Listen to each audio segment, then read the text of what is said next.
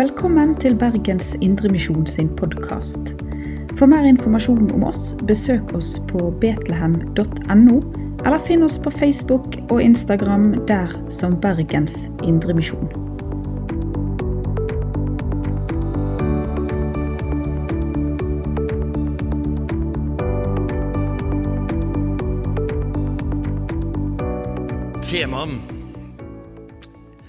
Løftene om Jesu gjenkomst. Og Dere har fått utlevert en, eh, en oversikt over eh, hovedpunktene som jeg kommer til å gå igjennom. Eh, og Vekten på denne timen er å se sammenhengen i Skriften som også Jesu gjenkomst står i slik at vi ser at i Skriften så er det en indre sammenheng som gjør at også det som har med Jesu gjenkomst, inngår som en helt naturlig og nødvendig del av vår kristne tro. Det som lett kan skje, det er at eh, dette med endetiden kan få en sånn spesialoppmerksomhet at vi glemmer den sammenhengen som det er en del av. Og Dermed så mister vi det grunnleggende perspektivet som går gjennom hele Skriften, eh, og setter dette i sin sammenheng. Så, så hvis jeg stilte et spørsmål hvorfor er læren om Jesu gjenkomst helt nødvendig for vår kristne tro, så er egentlig denne bibeltimen et svar på det spørsmålet. Så skal vi altså i neste bibeltime avgrense oss mye mer ved at vi skal se på de tegn som varsler Jesu gjenkomst, og som Jesus omtaler da som eh, fødselsrier før det nye kommer. Og Vi skal også, som dere vil se av oversikten, komme til å stanse for enda flere elementer i dette med tegnene før han kommer ved det at vi også kommer til å stanse mer utførlig for antikristens rike, for eh, Israels stilling i endetiden, for tusenårsriket og for den kristne menighet sin stilling i endetiden. Men i denne timen skal vi altså prøve å svare på dette spørsmålet hvorfor er dette lærepunktet om Jesu gjenkomst en nødvendig del av vår kristne tro og mister vi den, så er det et eller annet som brister i hele sammenhengen i Skriften. Bibelen er en helhet, og helheten består ifra det første til det siste, ifra første Mosebok til Johannes' åpenbaring. Og denne delen er altså da en integrert del av det som vi da kaller frelsens historie som sikter mot sin fullendelse. Og Utgangspunktet for denne frelseshistorien er altså skapelsen og syndefallet og Guds reaksjon på dette syndefallet. Frelsens historie er historien om Guds reaksjon. Og Den eh, illustrasjonen som jeg mange ganger har brukt i egen undervisning, den prøver å få frem denne indre sammenhengen som det er i dette temaet. Og I en del av min forberedelse for disse bibeltimene så leste jeg gjennom hele Det nye testamentet for å notere meg alle steder hvor dette med håp og gjenkomst var omtalt. Og jeg har en liste. Og det er bare to mindre brev i Det nye testamentet som ikke nevner noe om dette. Og det er tredje brev av Johannes, som skrives til en bestemt person i en bestemt situasjon. Og så er det brevet som Paulus skriver til sin venn Filemon. Heller ikke der er det nevnt, fordi det har en helt bestemt bakgrunn. Alle de andre skriftene omtaler dette. Noen med kortere tilvisninger, noen med mer utfyllende beskrivelser. Og Vi skal jo se etter hvert at det er noen sider i Det nye testamentet, eller tekster, som er særlig skal vi si, rike og innholdsfylte i forhold til den tematikken som vi stanser for. Denne linjen, frelseshistoriske linjen, er en profeti-oppfyllelseslinje. Og den, eh, det er slik at Jesu gjenkomst har alltid en relasjon til Jesu første komme. Slik at det er en indre sammenheng mellom første og andre komme. Han som kommer igjen, var han som også kom første gang. Og gjennom Jesu første komme er det at Guds frelse bryter igjennom på helt fundamental vis. Men det er en frelse som er forberedt gjennom løftene i Det gamle testamentet, og gjennom den historien som vi møter i Det gamle testamentet, ved de personer og det folk som Gud utvalgte for å bruke i den forberedende tid. Og allerede i syndefallsfortellingen møter vi det første løftet som bærer denne historien videre, nemlig at denne fristeren som stiger frem gjennom denne slangen, da sier Gud at slangen, djevelens hode, skal knuses. Han skal til slutt beseires på en slik måte at han aldri mer kan opptre på den måten som han møtte Adam og Eva på.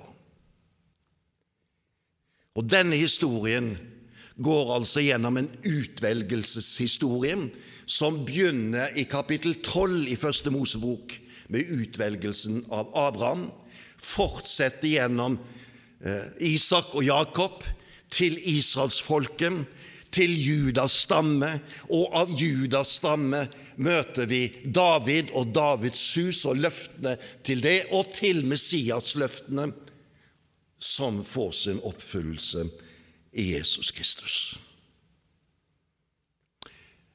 Men fallet og konsekvensen av fallet er bakgrunnen for denne historien. Og det er også det som danner bakteppet når vi møter frelsens gjennombrudd, og når vi møter fullendelsen.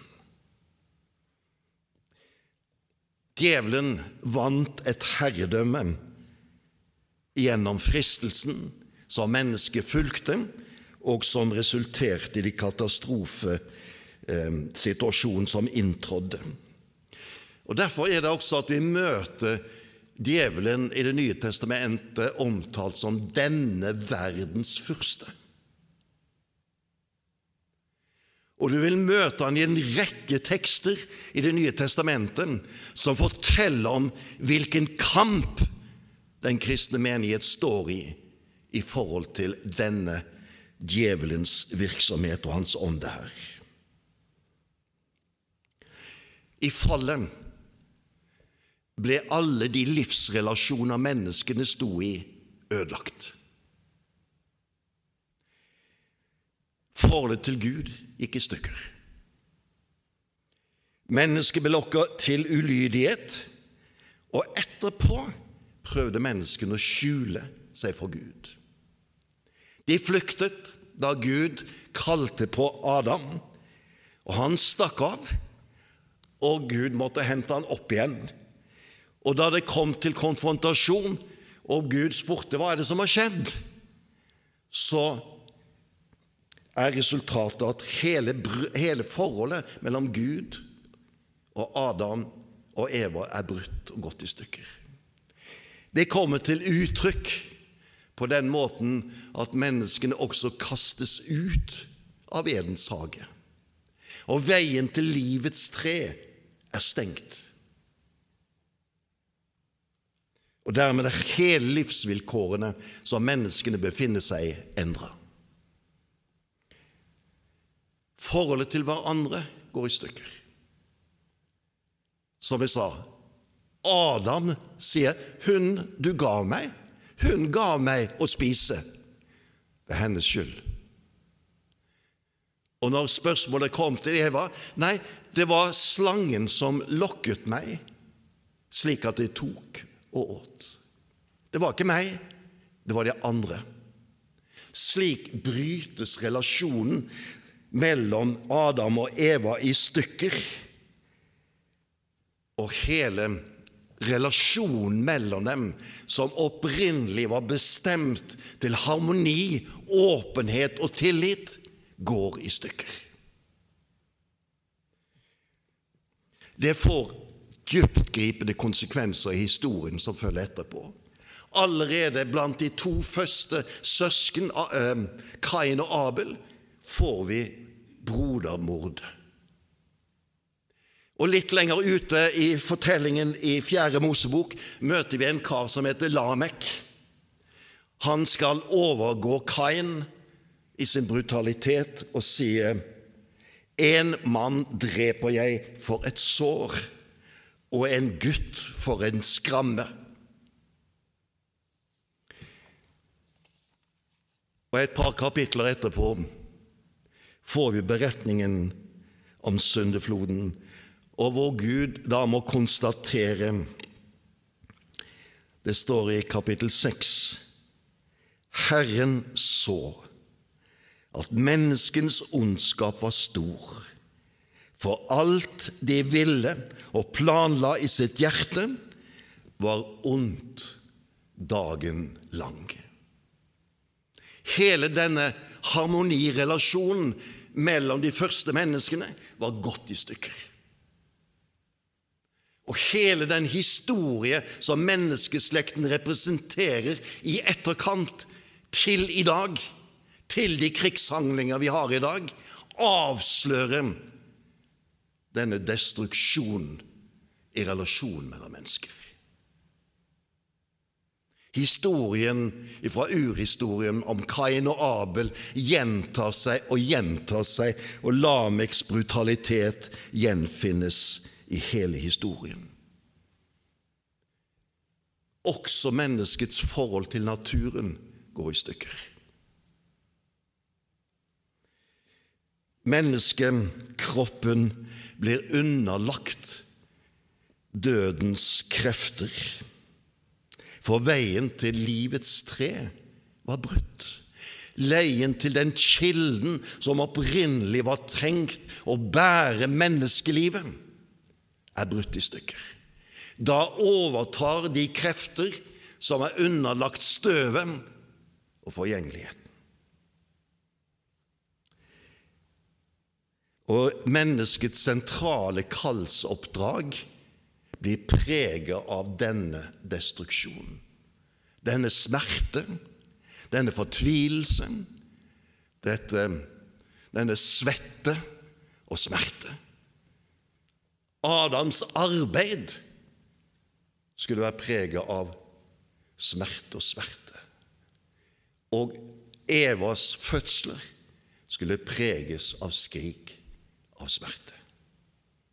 Sentrale livsoppgaver knyttet til det kall og det oppdrag som Adam og Eva hadde fått, blir preget av denne naturens endring.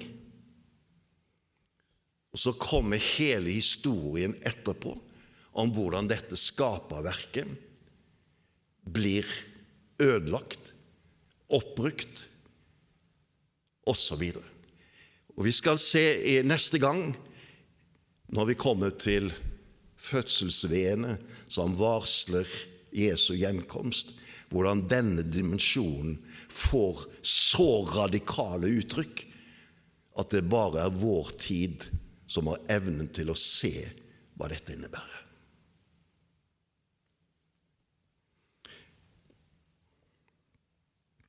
Så hele den historien som menneskeslekten representerer ifra fallets dag til fullendelsen, preges av denne situasjonen. En frelsesløftene De tar sitt utgangspunkt i dette dystre bakteppet for å gjenopprette.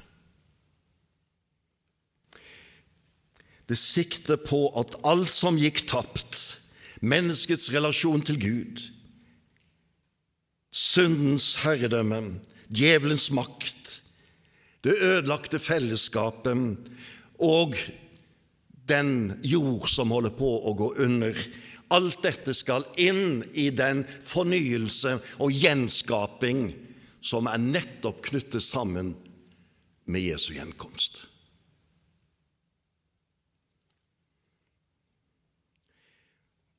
I Det gamle testamentet blir denne frelsestiden skildret på mange steder. Men de ulike tekstene i Det gamle testamentet skiller ikke så tydelig mellom de ulike fasene i oppfyllelsen av frelsesløftene. Derfor kan Israels redning fra Babylon gli sammen med Messias sitt komme og med en ny himmel og en ny jord. Det er karakteristisk for de profetiene som kommer på forhånd.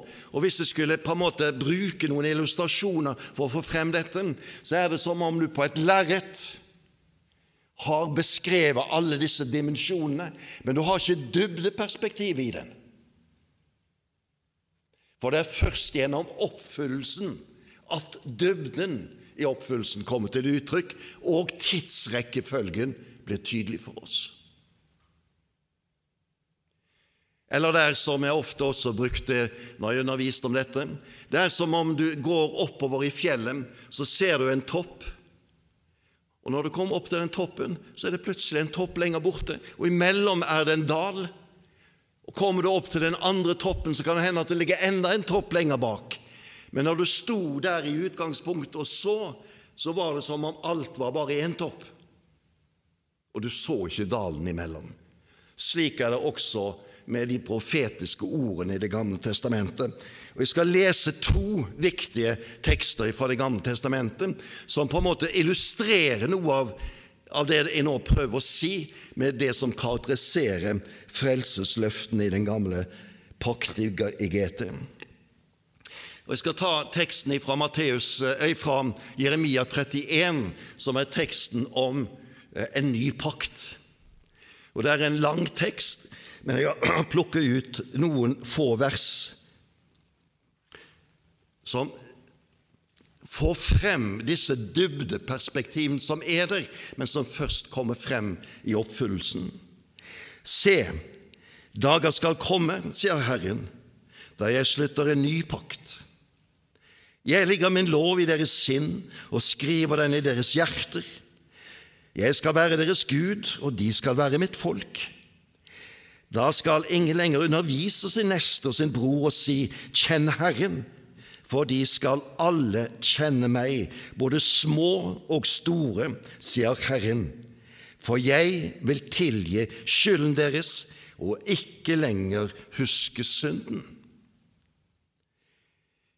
Og teksten i Jesajas 11, som jo først og fremst de kjenner fra eh, de profetiske tekster som leses i forbindelse med julen. I denne tekstsammenhengen i kapittel 11 i Jesajas-boken får vi også denne dimensjonen ved at Messias som kommer, hans rike som opprettes, og karakteristikken av sider ved det riket. Og Da står det slik i kapittel 11, vers 6 og vers 9, som jeg har plukka ut. Da skal ulven bo sammen med lammet, og leoparden skal ligge hos kje. Kalv og ungløven skal beite sammen, men smågutter gjeter dem. Ingen skal skade eller ødelegge noe på mitt hellige fjell, for landet er fullt av kjennskap til Herren, slik vannet dekker havbunnen. Og Vi ser jo at disse uttrykkene får sin første oppfyllelse i en ny himmel og en ny jord. Men teksten omtaler likeledes Jesu første komme som Messias.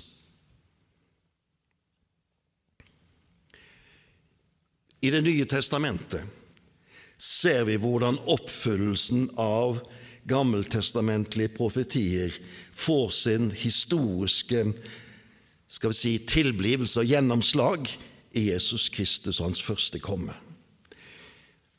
Og igjen lyst at vi skal understreke denne sammenhengen, at det frelses gjennombrudd som kommer med Jesus, det er et oppgjør med konsekvensen av syndefallet.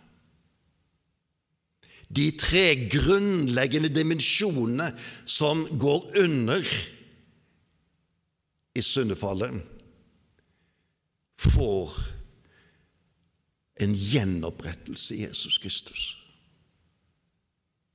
Derfor er hans første komme så fundamentalt, og samtidig er det noe som står igjen. Da Jesus steg frem i det offentlige rom og begynte sin forkynnelse, så ser vi at evangelistene sammenfatter hans budskap på denne måten, slik som Matteus kapittel 4, vers 17.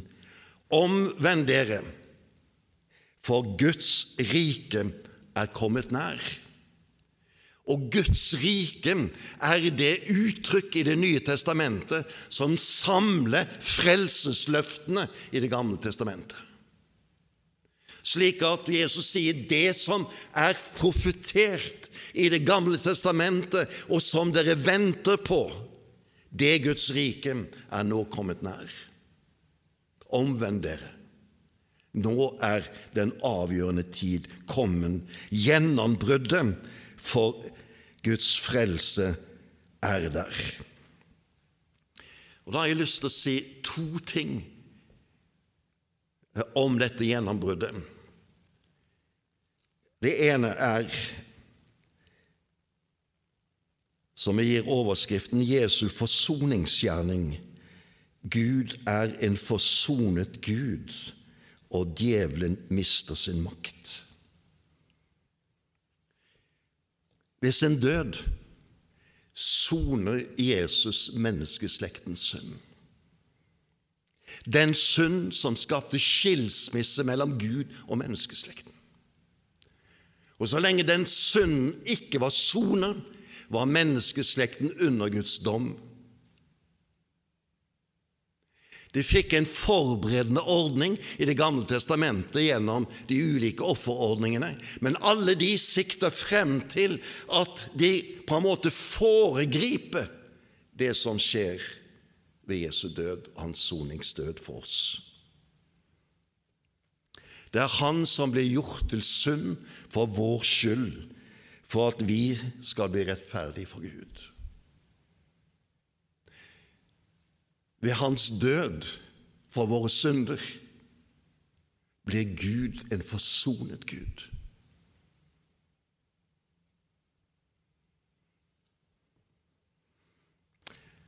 Og Samtidig så er det slik at gjennom denne forsoning med Gud og syndens soning og muligheten for tilgivelse, så er det at også djevelen mister sin makt.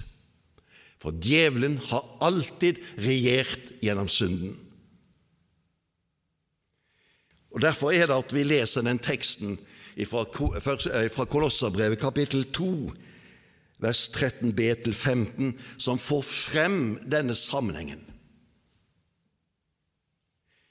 Paulus skriver Men han gjorde oss levende sammen med Kristus da han tilgav oss våre misgjerninger. Gjeldsbrevet mot oss slettet han, det som var skrevet med lovbud. Han tok det bort fra oss da han naglet det til korset.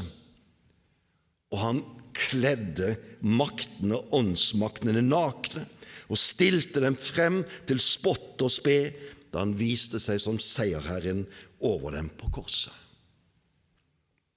på dette soningsstedet mister djevelen sin makt.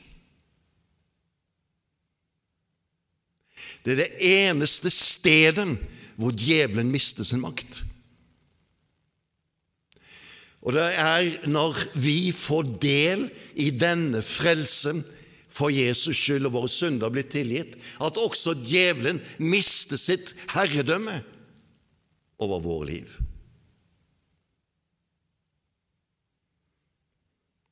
Det som skjedde i syndefallets situasjon, blir nå endra fundamentalt på grunn av Jesus' soningsgjerning. Og den frelsen som da ligger i Jesu frelsesverk, og som gis oss gjennom evangeliet, det er dette sted som også er frelsens hus for oss inntil fullendelsen. Guds menighet på jord er det sted hvor mennesket kan settes fri på grunn av det Jesus gjorde. Dette er det første og helt grunnleggende i Guds frelsesgjerning. Så ser dere at jeg har et punkt to. Jesu forløsergjerning, helliggjørelsens kamp. Det er det andre vi skal merke oss. Altså Ved sin døde oppstandelse vinner djevelen og Gud over Jesus over djevelen og hele hans åndsherr. Syndens makt og dødens forgjengelighet brytes. Men hans erfaring, eller vår erfaring av dette, er på en måte stykkevis. Fortsatt bærer vi det gamle mennesket med oss. Fortsatt bor det i oss krefter som vil stå Gud imot, som vil velge ulydighetens vei.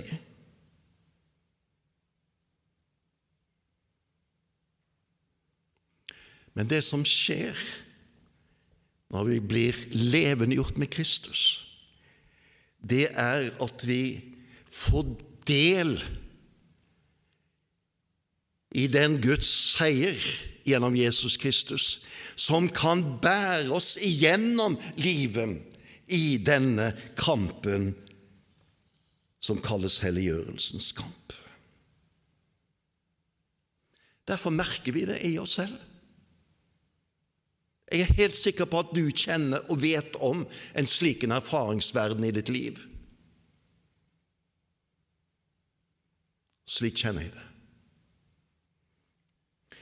Derfor sier og Nå leser jeg også to tekster som får frem denne situasjonen som vi kan kalle altså helliggjørelsens kamp.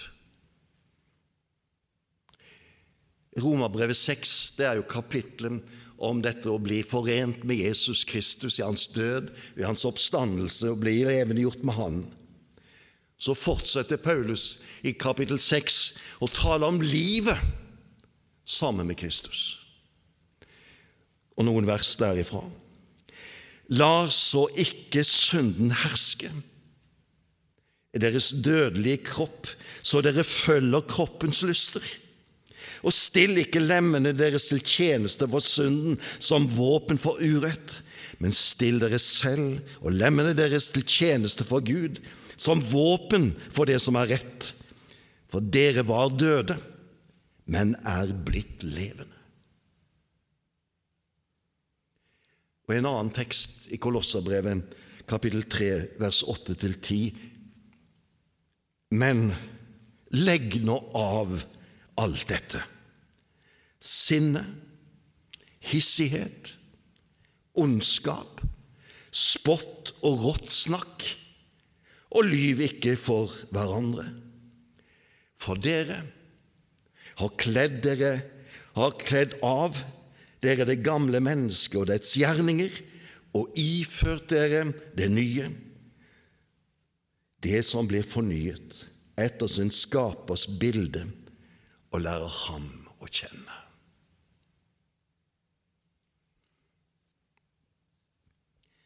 Ånd står imot kjød.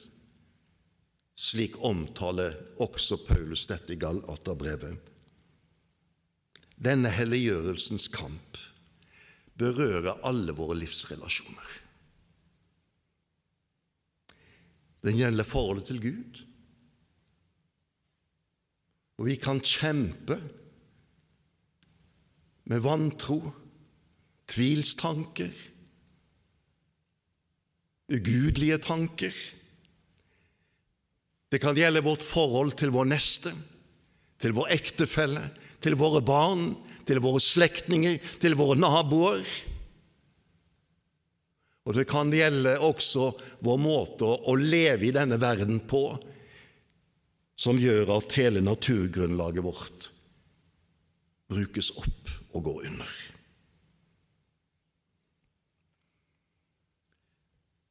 Vi er i en kamp.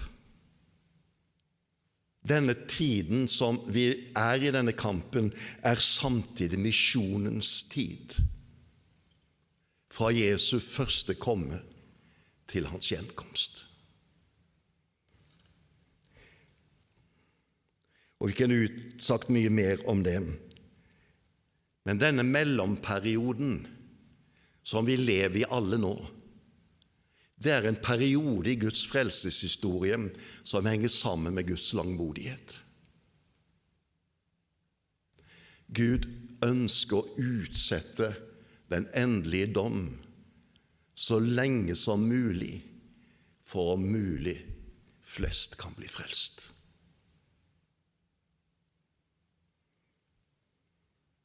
Seierne er vunnet,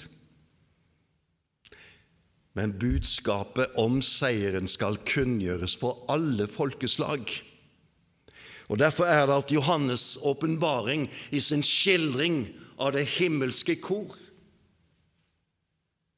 nettopp hente ut kordeltaker fra alle folkeslag og alle folkegrupper.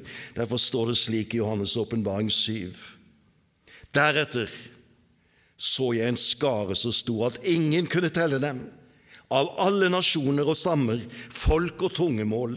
De sto for tronen og lammet, kledd i hvite kapper med palmegrener i hendene, og de ropte med høy røst, Seieren kommer fra vår Gud han som sitter på tronen, og fra lammet.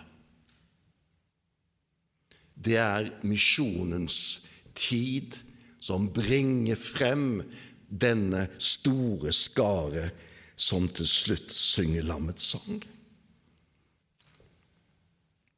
Inntil denne oppfyllelsen finner sted, er det hos Guds folk en lengsel. Forkynnelsen av Jesu gjenkomst er knyttet sammen med en grunnleggende lengsel i Guds folk etter Hans komme.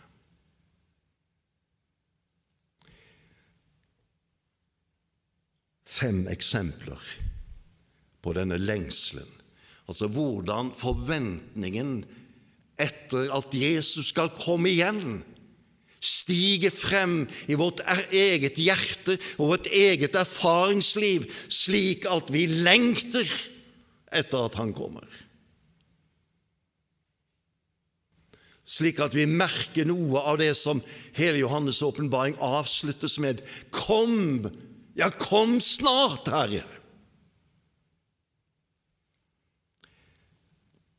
Paulus Romerbrevet 7 skriver han om sin egen kamp mot sitt gamle menneske. Og han sier det slik, kjente ord. For jeg vet at i meg, det vil si mitt kjøtt og blod, bor det ikke noe godt. Viljen har jeg, men å fullføre den gode makter jeg ikke. Det gode som jeg vil, gjør jeg ikke, men det onde som jeg ikke vil, det gjør jeg. Så fortsatte den litt lenger ute i samme kapittel. Jeg ulykkelig menneske, hvem skal fri meg fra denne dødens kropp? Gud være takk ved Jesus Kristus, vår Herre. Og så fortsetter han i Romerbrevet kapittel 8, som starter med altså 'den som er i Jesus Kristus', for han er det ingen fordømmelse. Så legges dette grunnvoll, altså denne forsoningens grunnvoll. Det er ingen fordømmelse på tross av denne spenningen for den som er Jesus Kristus. Men lengselen er der. Og litt lenger ute i kapittelet 8, og leser du gjennom Romerbrevet 8, så vil du se hvordan denne lengselsdimensjonen kommer til uttrykk. Og der skriver han Og vi som har fått Ånden, den første frukt av høsten som kommer, sukker med oss selv og lengter etter å bli Guds barn fullt og helt når kroppen vår blir satt fri. For i håpet er vi frelst. Så skriver Paulus om sin tjeneste, de erfaringene han gjør i sin tjeneste, for de også skaper en situasjon i hans liv og en erkjennelse. Og Derfor bruker han et bilde om seg selv som bærer av denne tjenesten, og han kaller det å ha en tjeneste som i et leirkar. Og Dette leirkarserfaringen beskrives der i 2. Korinterbrev 4. Og Han snakker om det å være rådvill, forfulgt, slått ned, kjenner dødens krefter i sin kropp. Men han vet at Han som reiste Kristus opp fra de døde, skal også reise Han opp sammen med Kristus og føre oss alle sammen frem for Guds trone. På tross av denne leirkarserfaringen så er det en visshet om at det er noe som er sterkere. Det er noe som har større bærekraft og det er å være levendegjort med Jesus Kristus.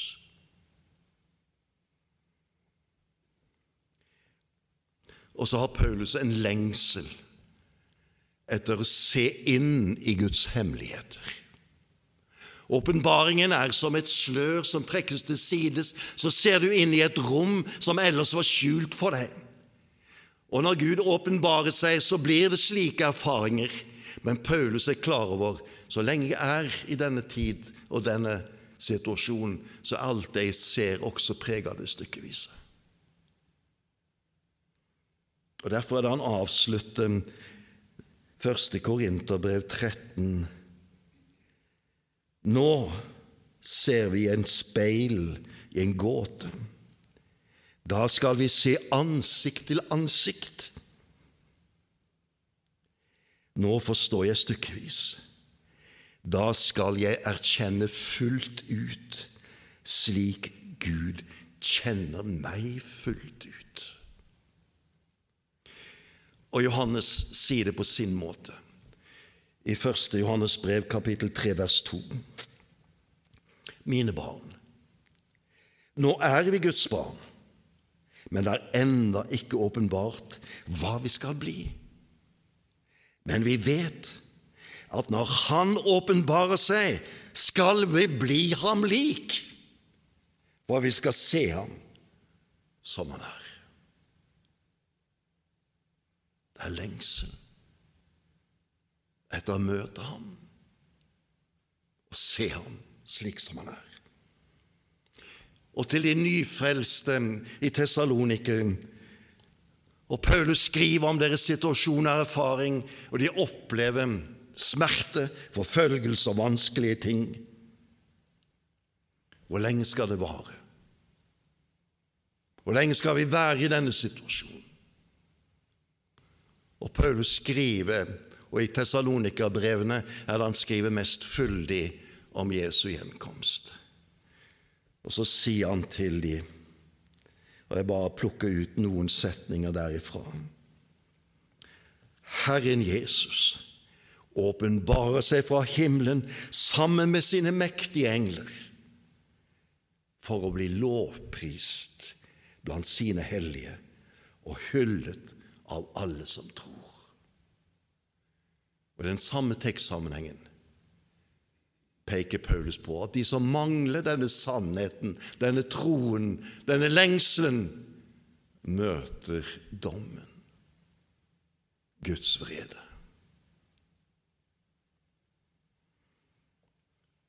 Og selve skaperverket lengter mot sin forløsning. Det skriver Paulus om i Romerbrevet 8, vevd sammen med menighetens lengsel etter Guds herlighet og gjenkomst. Og også det skal, også, For også det skapte blir frigjort fra slaveriet under forgjengeligheten, og får den frihet som Guds barn skal få i herlighet. Romerbrevet 8,21. Det sies mer.